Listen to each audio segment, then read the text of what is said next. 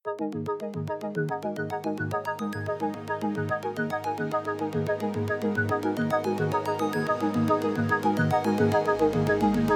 datang di podcast Penasaran Digital, di mana saya akan membahas digital marketing dan bisnis dari perspektif yang strategik. Bersama saya, William Jakfar.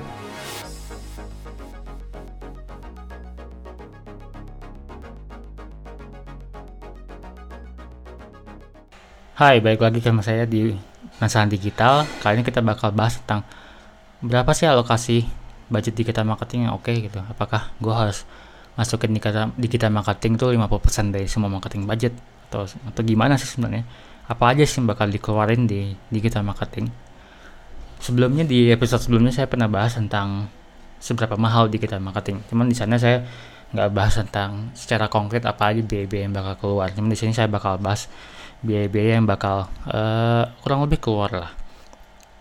Dalam nentuin budget digital marketing itu uh, alokasinya tuh macam-macam juga sih. Sebenarnya nggak ada actual rule-nya seperti apa karena balik lagi ke kemampuan finansial perusahaannya seperti apa. Cuma biasanya balik lagi ada ada dua uh, tahapan yang bisa dilakukan. Uh, buat perusahaan yang baru mencoba uh, digital marketing biasanya alokasi budget itu ditentukan oleh berapa proporsi uang yang berani dia keluarin. Nanti uh, strateginya diputar dari sana. Jadi misalnya uh, dia cuma punya budget spare 5 juta per bulan. Oke okay, ini dari 5 juta ini gue bisa pakai buat apa aja sih? Bisa nggak bikin uh, website? Bisa nggak bikin sosmed di IG bisa nggak uh, punya iklan? Dan sebagainya dan sebagainya dan sebagainya. Jadi balik uh, pertama kali yang harus dilihat adalah constraint perusahaannya apa dulu. Kalau misalnya constraintnya adalah uh, resource. Ya bergeraknya dari resource-nya dulu. Karena nggak masuk akal sekali buat perusahaan untuk uh, masuk. Invest banyak sekali untuk sesuatu yang sebenarnya belum ada hasilnya. Itu jadinya overkill. Yang kedua biasanya saya saranin ke klien-klien dan sebagainya adalah kalau misalnya mereka udah savvy ya kita balikin hasil apa yang pengen mereka capai. Maksudnya savvy itu mereka sudah sering di digital tapi mereka tetap bingung alokasi budget. Balikin lagi uh, karena di digital enaknya kita punya analytics kita bisa hitung uh, eh, ROI marketing strateginya itu berapa sih. Nah dari sana kita bisa hitung balik lah bisa ketemu rumusnya lah kira-kira uh, misalnya cost per satu akuisisi customer itu berapa sih? Misalnya 50 ribu ngambil angka gampang. Jadi kalau misalnya next year uh, gue mau ada satu juta customer baru ya tinggal dikali aja. Eh, satu juta dikali lima puluh ribu. Mungkin masuk ke tentang uh, supaya dalam skenario nya biayanya nggak uh, nggak terbatas banget. Jadi misalnya lima puluh ribu sampai enam puluh ribu gitu. Tapi perusahaan bisa bergerak dari sana. Alokasi budget bisa dikeluarin berdasarkan argumentasi kita pengen punya target sekian. Hence kita punya kita harus punya budget sekian gitu. Dalam penentuan alokasi itu biasanya tergantung dari uh, appetite perusahaannya. Seberapa berani mereka seberapa urgent mereka harus masuk ke digital. Banyak perusahaan di tahun-tahun ini yang mulai ngerasa kompetitornya mulai masuk dan mereka kayak nggak mau ketinggalan gitu. Apakah uh, apa tujuan mereka? Apakah mereka pengen uh, launching produk launching produk sama uh, maintain produk bakal punya alokasi yang beda gitu. Selain itu kalau dari variabel sebenarnya apa aja sih yang keluar? Dari pengalaman saya sendiri kalau biaya digital marketing itu biasa kebagi dua sih. Ada biaya yang uh, seperti biaya di ekonomi ada biaya tetap ada biaya variabel. Biaya tetap itu biaya yang pasti keluar di digital marketing ya sama kayak kita buka toko lah. Ada selalu ada biaya pasti keluar kayak biaya sewa biaya listrik dan sebagainya. Digital marketing tetap ada walaupun ngomongin digital. Uh, biaya variabel ya tergantung. Kita mau sebanyak apa variabel kita dan semahal apa variabelnya. Cuman biayanya bakal tergantung dari se semau apa kita lah. Kalau variabel kan kayak gitu tendensinya. Jadi kalau misalnya toko itu kita mau misalnya kita lagi menuju kita punya toko baju kita menuju bulan puasa. Uh, kita perlu banyak uh, anak magang nih buat jaga toko. Nah itu masuk biaya variabel jadi nambah biaya uh, hire karyawannya. Cuman kalau di digital biaya variabel dan biaya tetapnya mungkin agak beda dengan uh, marketing offline ya. Di digital yang pertama yang pasti keluar kalau dalam pengalaman saya itu biaya gaji. Uh, gaji gaji karyawan atau jasa agensi misalnya kalau mereka nggak punya tenaga in house mereka pakai agensi seperti apa. Jadi itu biaya-biaya yang pasti keluar tuh uh, per month harus keluar berapa untuk gajinya. Dalam strukturnya macam-macam sih ada ada berapa jenis versi. Kalau misalnya di pakai uh, versi yang karyawan mereka bisa punya tim sendiri uh, yang isinya orang-orang berbeda ekspertis yang beda-beda. Kalaupun di agensi agensi juga punya ekspertis yang beda-beda biasanya. Ada yang ada yang ngerjain sosmed doang ada yang bikin website doang ada yang ngerjain semuanya tapi spesialis di pasar apa gitu. Uh, kecuali perusahaan punya kemampuan untuk hire agensi yang sangat gede. Itu beda cerita. Biasanya mereka punya uh, tim khusus yang untuk menangani semuanya tetapi biasanya harganya mahal. Gitu. Itu untuk biaya ya. Jadi biayanya lebih ke orangnya. Cuman biaya orang tuh berbeda dengan biaya uh, biaya uh, marketing dan sebagainya ya. kecuali mungkin kalau di agensi dirinya suka beda lah. Biaya jasa dan biaya uh, project tuh suka digabung. Cuman kalau di sini saya bahasnya orangnya aja. Yang kedua tuh kalau biaya tetap yang pasti keluar biaya hosting.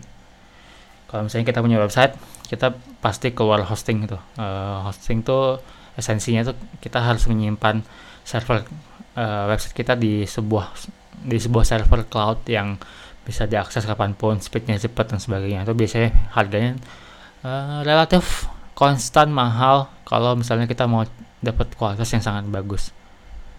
Uh, selain hosting ada biaya maintenance website. Kalau misalnya kita punya website yang fungsinya banyak nah itu harus di maintain jadi kalau misalnya ada hacker ada apa macam-macam amin-amin lah ada apa pun ya ada yang jagain lah kasarnya ada lagi nggak sih yang butuh hosting um, kalau misalnya basisnya uh, sosmed dan website doang tuh enggak.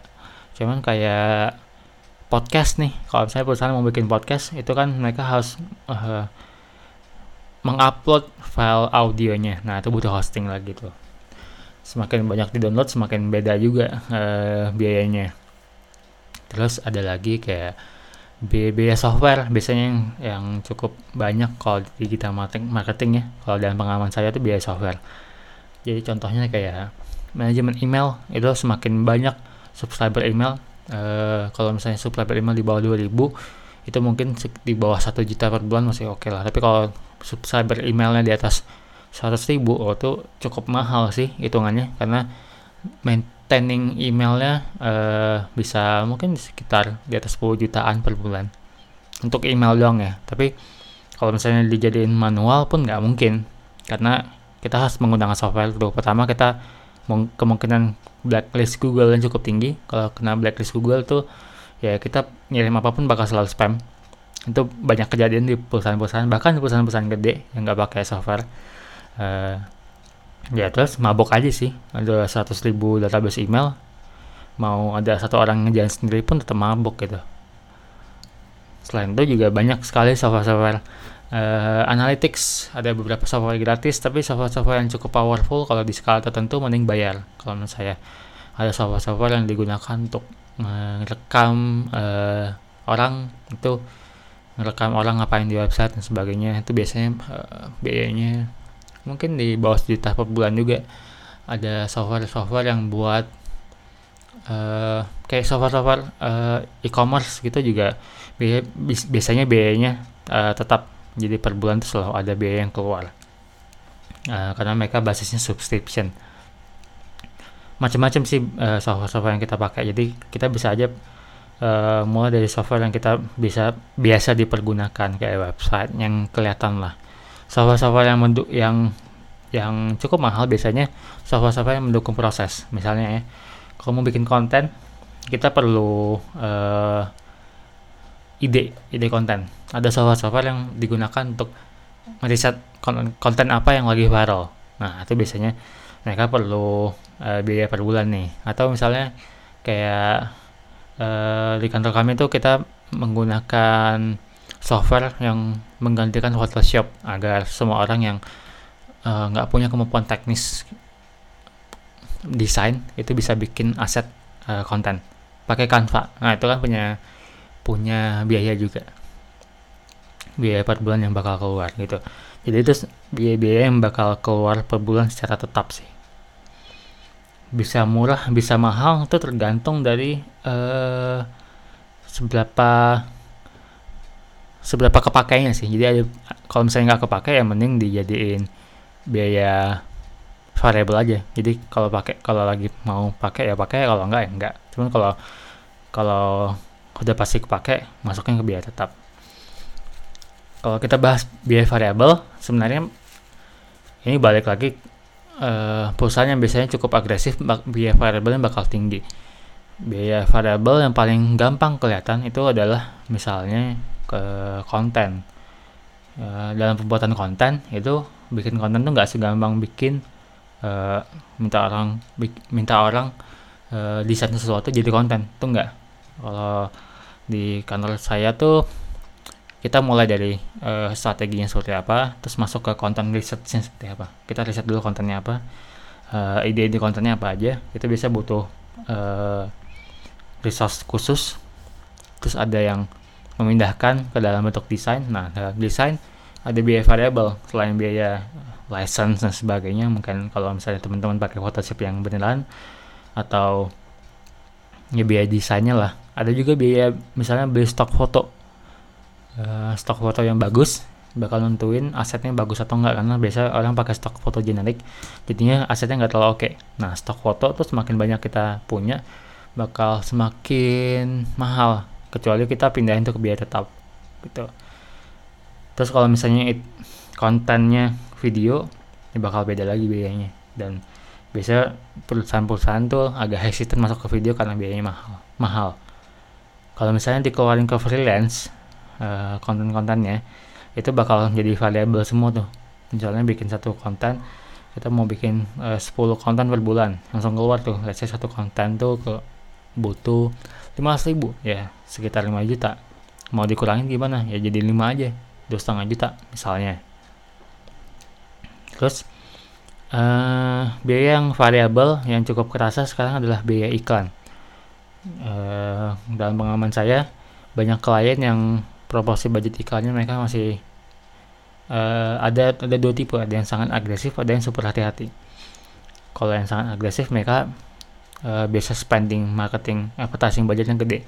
Jadi mereka udah biasa baliho dan sebagainya tuh mereka bakal keluarin gede-gedean di iklan Nah, itu masuknya biaya variabel kadang-kadang bisa bulan Januari 20 juta, bulan Februari 100 juta misalnya, bulan Maret turun dan sebagainya. Tapi itu jadinya biaya variabel karena misalnya mereka pengen nentuin season nih.